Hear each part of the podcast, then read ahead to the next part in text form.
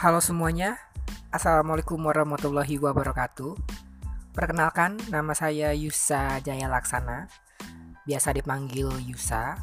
Saya merupakan alumni dari SMA Islam Al-Azhar 5 Cirebon Tahun masuk 2011 dan lulus pada tahun 2014 Uh, saya adalah seorang dokter hewan muda yang saat ini tengah melakukan kegiatan koasistensi pendidikan profesi dokter hewan di IPB University atau biasa dikenal dengan Institut Pertanian Bogor.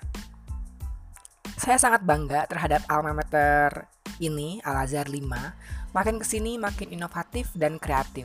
Apalagi adanya channel media uh, sharing podcast Al-Azhar 5 yang saya rasa sangat bermanfaat bagi siswa-siswinya dan melalui media ini, saya juga ingin mengucapkan banyak terima kasih kepada Pak Ade Prasetya yang telah memberikan kesempatan kepada saya untuk mengisi materi pada podcast Alma Mater tercinta. Ya, dalam beberapa menit ke depan saya akan sharing sedikit mengenai dunia pasca sekolah menengah dalam kapasitas saya sebagai seorang dokter hewan atau vet. Sebelumnya, saya ingin mengucapkan selamat kepada kalian siswa-siswi SMA Al-Azhar 5 Cirebon yang telah berhasil masuk perguruan tinggi yang kalian harapkan. Ataupun bagi kalian yang baru lulus dari uh, eh, SMA, naik kelas maupun yang baru masuk ke SMA Al-Azhar. Walaupun kita berada di tengah pandemi yang tidak pasti ini, kalian masih tetap struggle menempuh pendidikan kalian. Dan teruntuk kalian yang belum mendapatkan kampus impian, tetap semangat dan uh, selalu berusaha. Nah, mungkin bagi kalian masih ragu mau ngapain sih setelah lulus SMA? Di sini saya ingin sekedar berbagi cerita uh, terkait dengan kehidupan perkuliahan dan hal ini perlu jadi perhatian bagi kalian yang baru lulus dan penting juga bagi kalian siswa kelas 10, 11, dan 12. Hampir sebagian besar dari kalian tentunya ingin melanjutkan kuliah bukan? Saat ini memang tidak bisa dipungkiri, minat terhadap perguruan tinggi terus mengalami peningkatan tiap tahunnya. Persaingan semakin selektif dan juga ketat. Sehingga kemungkinan untuk masuk ke jurusan dan kampus yang kita inginkan ternyata tidak semudah yang kita bayangkan. Ada beberapa hal yang menjadi poin utama di perguruan tinggi, yaitu pemilihan jurusan, tes masuk, beasiswa, dan kehidupan perkuliahan. Poin yang pertama adalah pemilihan jurusan. Ini krusial banget loh teman-teman. Pemilihan jurusan sering dikaitkan dengan karakter dan minat bakat kalian. Jika kalian senang bersosialisasi, atau istilahnya kalian adalah seorang social butterfly, kalian lebih baik memilih jurusan yang berbau sosial, misalnya komunikasi, psikologi, sosiologi, ilmu pemerintahan, dan lain-lain. Tidak hanya jurusan IPS saja, tetapi beberapa jurusan IPA membutuhkan skill ini seperti kedokteran, kedokteran hewan, kedokteran gigi, dan lain-lain. Kemudian, bagi kalian yang menyukai hal-hal yang berbau alam dan sains, jurusan seperti kehutanan, pertanian, biologi sangat cocok untuk kalian masuki. Selain karakter, passion juga patut kalian pertimbangkan. Passion di sini artinya minat atau kesukaan terbesar kalian. Kadang beberapa orang memiliki passion yang berbeda dengan karakter. It's okay, tidak masalah, selama dia dapat menempatkan dirinya dan menekuni bidang tersebut. Hal yang terpenting adalah ketekunan dan mau terus memperkaya kualitas diri dalam bidang yang digeluti. Kemudian poin selanjutnya adalah tes masuk. Tidak seperti sekolah menengah, saya akui memang seleksi perguruan tinggi ini sangat rumit dan memusingkan. Berbeda kampus, biasanya berbeda pula jalur masuknya. Namun secara garis besar terdapat tiga jalur masuk perguruan tinggi, yaitu SNMPTN atau Seleksi Nasional Masuk Perguruan Tinggi Negeri dan SBMPTN, Seleksi Bersama Masuk Perguruan Tinggi Negeri. Kedua jalur masuk tersebut biasanya eh, dilakukan secara nasional dan serentak. Selain kedua jalur masuk tersebut, ada jalur mandiri atau seleksi mandiri. Biasanya diadakan oleh masing-masing kampus. Oh ya, untuk kalian siswa kelas 10, 11, dan 12, Saya ingin berpesan kepada kalian untuk memaksimalkan studi kalian di SMA. Mengapa? Karena nilai kalian e, ketika di SMA itu sangat berpengaruh, terutama dalam tes masuk SNMPTN. Karena seleksi ini berdasarkan nilai rapor kalian. So, mulai dari sekarang persiapkan nilai kalian dan usahakan nilai kalian selalu bagus dan stabil tiap semester. Berbeda dengan SNMPTN, SBMPTN biasanya diadakan setelah pengumuman SNMPTN. Seleksi masuk ini berdasarkan pada sistem prankingan tes tulis yang diadakan serentak secara nasional. Sedangkan tes mandiri Seleksi ini berdasarkan kebijakan kampus masing-masing yang mengadakan. Lalu, selain ketiga jalur tersebut, masih banyak jenis uh, tes lainnya. So, mulai sekarang, biasakan diri untuk mencari informasi terkait hal tersebut. Mengapa? Karena banyak sekali informasi di internet yang dapat kalian gali dan juga kalian uh, harus pahami.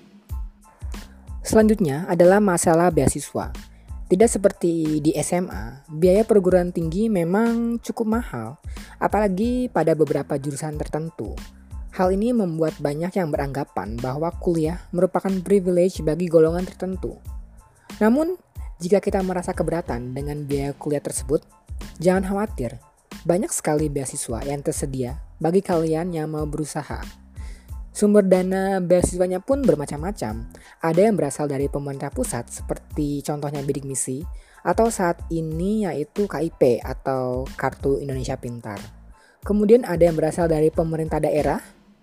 Jika di IPB ada beasiswa BUD atau afirmasi yang sumber dananya itu berasal dari pemerintah provinsi ataupun kabupaten dan biasanya bersifat mengikat. Kemudian ada yang berasal dari ikatan dinas hingga dari swasta. Saya sendiri uh, selama 4 tahun berkuliah di Fakultas Kedokteran Hewan IPB, alhamdulillah telah mendapatkan dua beasiswa, yaitu beasiswa pemerintah Provinsi Jawa Barat non ikatan dinas dan beasiswa prestasi uh, peningkatan akademik atau beasiswa PPA.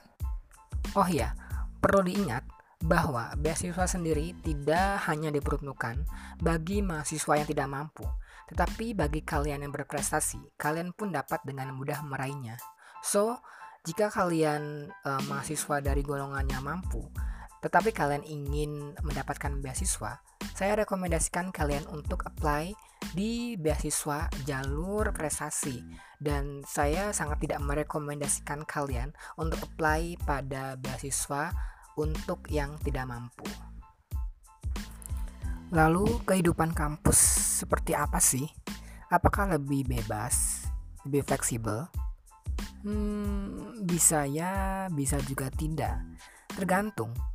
Kenapa saya bilang tergantung? Tentu tergantung aktivitas kuliah jurusan kalian dan aktivitas luar kampus yang kalian pilih. Saya merasa kuliah memang lebih bebas dan fleksibel jika dibandingkan dengan masa-masa SMA. Namun, kebebasan itu jangan malah membuat kita berleha-leha dan tidak memanfaatkan waktu yang ada. Jurusan yang saya masuki memang terbilang cukup padat dengan banyaknya praktikum dan ujian yang harus dihadapi hampir tiap minggunya. Namun saya rasa saya da masih dapat memanage waktu dengan baik ikut organisasi intrakampus, bahkan ekstra kampus. Selama dua tahun, saya aktif menginisiasi salah satu NGO kepemudaan atau non-governmental organization di regional Jabodetabek.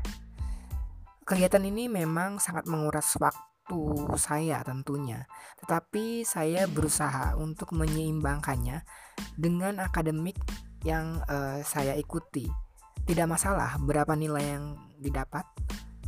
Menurut saya, eh, organisasi sangat penting, apalagi bagi calon dokter hewan. Untuk mengasah soft skill merupakan suatu keharusan. Next, saya akan membahas sedikit mengenai bidang yang saya pilih untuk digeluti.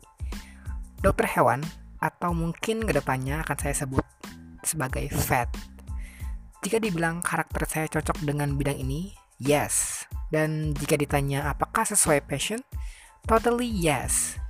Menjadi seorang vet sebenarnya baru saya tetapkan ketika SMA.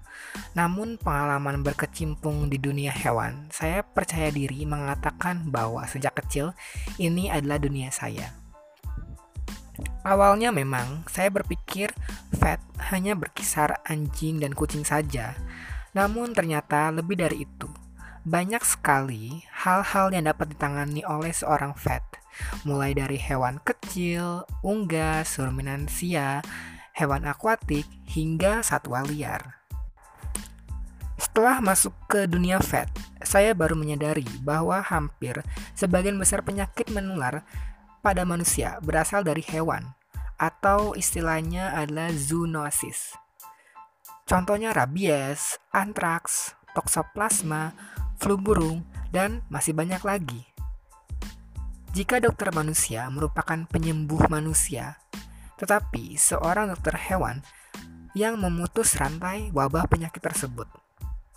Oleh sebab itu, peran dan posisi dokter hewan di era globalisasi ini tidak hanya dituntut untuk menangani masalah kesehatan hewan semata, tetapi juga bertanggung jawab untuk menjaga kesehatan masyarakat melalui berbagai pembangunan di bidang ketahanan pangan, jaminan keamanan pangan, dan sebagai penyangga daya saing bangsa. Hal ini menjadi bukti bahwa dokter hewan memiliki andil secara langsung dalam upaya penyejahteraan masyarakat sesuai dengan moto manusia meriga satwa sewaka yang berarti melalui kesejahteraan hewan mengabdi kepada masyarakat. Selain perannya yang penting, ternyata bidang pekerjaan dokter hewan sangat luas loh. Tidak selalu berkaitan dengan hewan kecil saja. Lapangan pekerjaan dokter hewan menurut OIE atau Badan uh, Kesehatan Hewan di dunia yaitu ada 33 bidang di hampir 110 negara. Tetapi saya hanya akan menyebutkan 15 di antaranya saja ya. Yang pertama yaitu food technology atau teknologi makan. Seperti yang kita tahu bahwa makanan yang uh, dimakan oleh manusia itu tidak hanya berasal dari tumbuhan, tetapi juga berasal dari hewan. Contohnya daging, susu, dan uh, produk lainnya. Dan itu merupakan concern para vet untuk selalu uh, menjaga kualitas dari makanan tersebut. Lalu pekerjaan di bidang laboratorium, legislasi atau perundang-undangan, kemudian ada uh, obat hewan, praktisi atau klinik uh, hewan, kemudian di bidang pemerintahan ada epidemiologi. Ini cocok untuk kalian yang suka dengan statistika di mana tentunya epidemiolog vet ini mengurusi tentang penyakit yang bersifat zoonosis atau uh, penularannya berasal dari hewan maupun uh, sebaliknya. Kemudian ada pekerjaan di bidang karantina.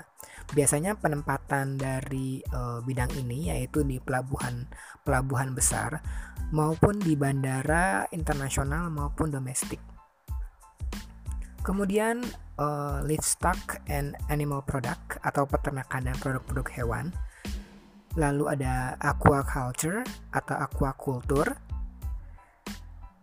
Wildlife atau uh, satwa liar.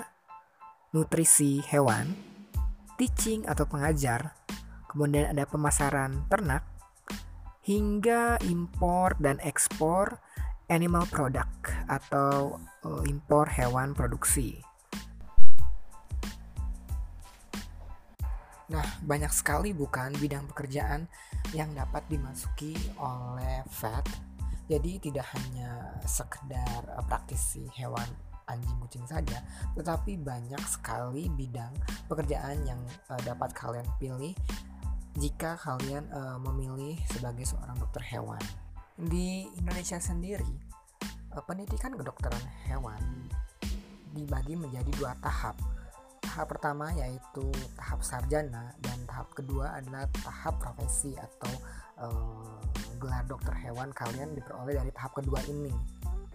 Dan perlu kalian ketahui juga bahwa di Indonesia sendiri jumlah institusi yang menyediakan program studi kedokteran hewan itu sangat terbatas. Dari ribuan perguruan tinggi yang ada di Indonesia, hanya sekitar 11 uh, eh, perguruan tinggi saja yang menyediakan uh, kedokteran hewan. Uh, 11 uh, PT perguruan tinggi tersebut 10 di antaranya yaitu perguruan tinggi negeri dan satu perguruan tinggi swasta. Oleh karena itu, kalian harus mempersiapkan diri untuk lebih bersaing lagi jika ingin masuk ke Fakultas Kedokteran Hewan karena jumlahnya yang sangat terbatas di uh, Indonesia. Dari 11 universitas tersebut, semuanya tersebar di seluruh Indonesia, tetapi memang hampir sebagian besar uh, kedokteran hewan itu berada di Pulau Jawa.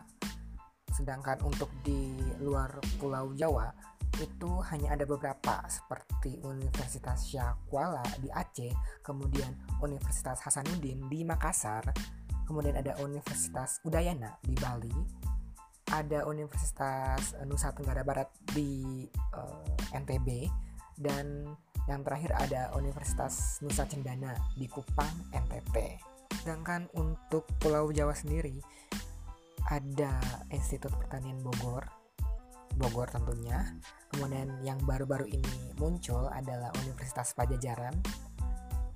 Kemudian ada Universitas Gajah Mada, Universitas Brawijaya, dan Universitas uh, Erlangga. Dan satu universitas swasta yaitu Universitas Wijaya Kusuma yang berada di Surabaya. Pendidikan kedokteran hewan di Indonesia saat ini memang uh, dibilang mengalami peningkatan yang cukup signifikan. Hal ini dibuktikan dengan beberapa universitas yang menyediakan kedokteran hewan memiliki akreditasi yang cukup baik dan juga bahkan beberapa di antaranya memiliki sertifikat akreditasi yang berasal dari uh, internasional seperti AUN QA, kemudian ada juga lembaga sertifikasi dari Australia yang mengakui bahwa kedokteran hewan di Indonesia berkembang dengan uh, cukup pesat. Hal ini membuat uh, Indonesia menjadi salah satu destinasi studi kedokteran hewan yang cukup favorit untuk mahasiswa luar negeri, terutama dari Malaysia. Oleh karena itu, selain kalian bersiap untuk bersaing dengan sesama warga Indonesia, kalian juga harus bersaing dengan warga Malaysia. Seperti di IPB sendiri, dari sekitar 200 murid di Fakultas Kedokteran Hewan, ada sekitar 10% mahasiswanya itu berasal dari luar negeri, terutama dari Malaysia, atau sekitar 10, 15, atau 20 orang tiap tahunnya. Persaingan ini tentu menjadi tantangan bagi kita. Kenapa? Karena uh, hal ini menunjukkan bahwa potensi kedokteran hewan di Indonesia diakui oleh internasional dan uh, hal ini menjadi kemudahan bagi kita dokter hewan Indonesia untuk melebarkan karir kita ke luar negeri khususnya di Malaysia, Brunei Darussalam, Thailand, dan juga Filipina. Bagaimana? Apakah masih tertarik untuk menjadi seorang dokter hewan? Secara garis besar, hal-hal yang dibutuhkan untuk menjadi seorang dokter hewan sudah saya sampaikan semuanya. Tetapi sebenarnya masih banyak sekali hal-hal yang perlu digali jika kalian berminat untuk menjadi seorang dokter hewan. Oh iya, karena kita masih berada di keadaan pandemi ini, saya berpesan kepada kalian untuk tetap menjaga kesehatan tubuh kalian ya. Terutama bagi kalian yang uh, mempunyai hewan peliharaan di rumah atau pecinta hewan yang tiap hari memiliki kontak fisik dengan uh, hewan di sekitar kalian. Mengapa hal ini penting? Baru ini, uh, beberapa waktu yang lalu, seekor harimau di kebun binatang Bronx, New York, eh, USA, dinyatakan positif terinfeksi COVID-19. Berita ini juga menjadi perhatian publik tanah air. Ternyata tak hanya harimau, COVID-19 juga hinggap di hewan peliharaan, yaitu pada kasus anjing di Hong Kong dan kucing di Belgia. yang keduanya dinyatakan positif COVID-19 setelah dilakukan tes. Nah, kemudian muncul banyak pertanyaan dari masyarakat. Apakah COVID-19 dapat menular dari hewan peliharaan ke manusia? Untuk menjawab hal tersebut, para ahli belum dapat memastikan karena mereka masih berusaha untuk menggali lebih lanjut informasi terkait COVID-19 ini. Tetapi dari kasus yang uh, telah terjadi, hal ini membuktikan bahwa COVID-19 dapat menular dari manusia ke hewan peliharaan kita. Dan kemungkinan besar hal tersebut diakibatkan oleh adanya kontak fisik secara langsung antara manusia dan juga hewan. Hampir sama dengan manusia, kejadian COVID-19 pada hewan dapat e, menimbulkan gejala klinis maupun sama sekali tidak menimbulkan gejala klinis. Oleh karena itu, penting bagi kita, pemilik hewan peliharaan, untuk selalu memperhatikan kondisi hewan peliharaan tersebut. Walaupun resiko penularan COVID-19 pada hewan tergolong kecil resikonya, tetapi para ahli sepakat untuk merekomendasikan kepada pemilik hewan untuk membatasi interaksi antara hewan peliharaan dengan orang-orang uh, di luar dari lingkungannya.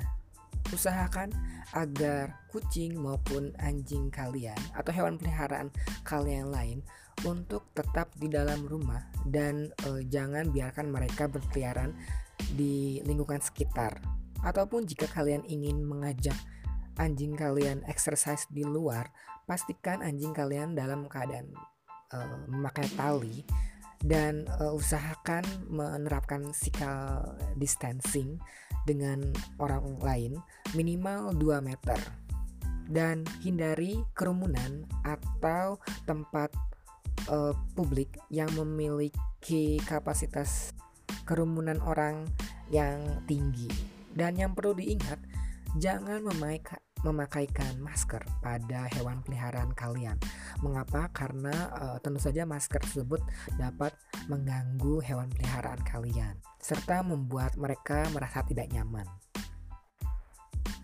Nah, kemudian banyak nih yang bertanya, apakah hewan perlu disemprot desinfektan agar terhindar dari virus-virus yang menempel pada bulu mereka? Karena belum ada bukti yang menyatakan bahwa virus COVID-19 dapat e, berada di kulit, bulu maupun rambut hewan peliharaan. Jangan sekali-sekali kalian mencoba untuk menyemprotkan bahan kimia baik itu disinfektan maupun hand sanitizer alkohol kepada hewan tersebut. Karena itu dapat membahayakan mereka.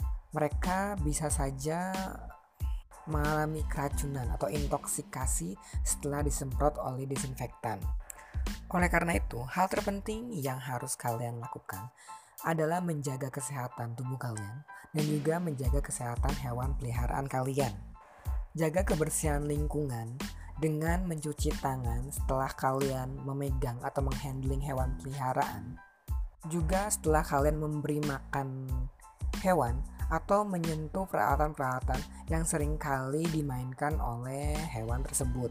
Selain itu, usahakan untuk menjauhkan hewan peliharaan kalian dari golongan-golongan yang rentan terhadap COVID-19 seperti uh, orang tua ataupun anak-anak yang masih di bawah usia 5 tahun.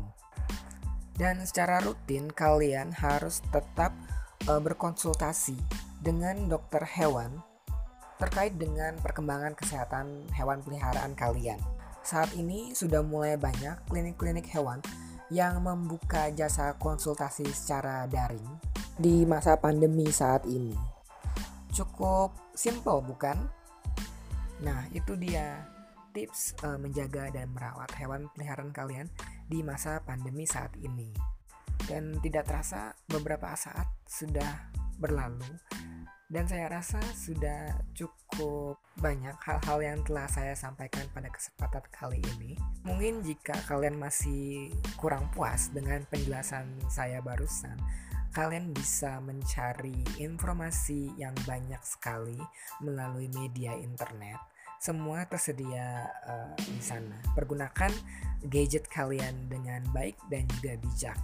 Dan terakhir sebelum menutup sesi uh, sharing kali ini, saya hanya ingin berpesan kepada kalian, khususnya siswa dan siswi SMA Islam Al Azhar 5 Kota Cirebon Pergunakan waktu kalian dengan sebijak mungkin dan manfaatkan dengan sebaik-baiknya. Manfaatkanlah setiap kesempatan yang ada dan terapkan prinsip E plus R equal to O. Even plus response equal to outcome. Atau kesempatan ditambah dengan respon sama dengan hasil. Kesempatan yang besar jika ditambahkan dengan respon kita yang juga besar effortnya, maka akan menghasilkan outcome atau hasil yang besar pula. Selain itu, tetaplah berbuat baik. Be kind in every kind. Karena orang baik akan selalu dikenang sepanjang masa. Oke, saya rasa cukup sekian sharing yang bisa saya sampaikan. Sekali lagi saya ucapkan terima kasih atas kesempatannya. Akhir kata saya ucapkan wabillahi taufik wal hidayah. Wassalamualaikum warahmatullahi wabarakatuh.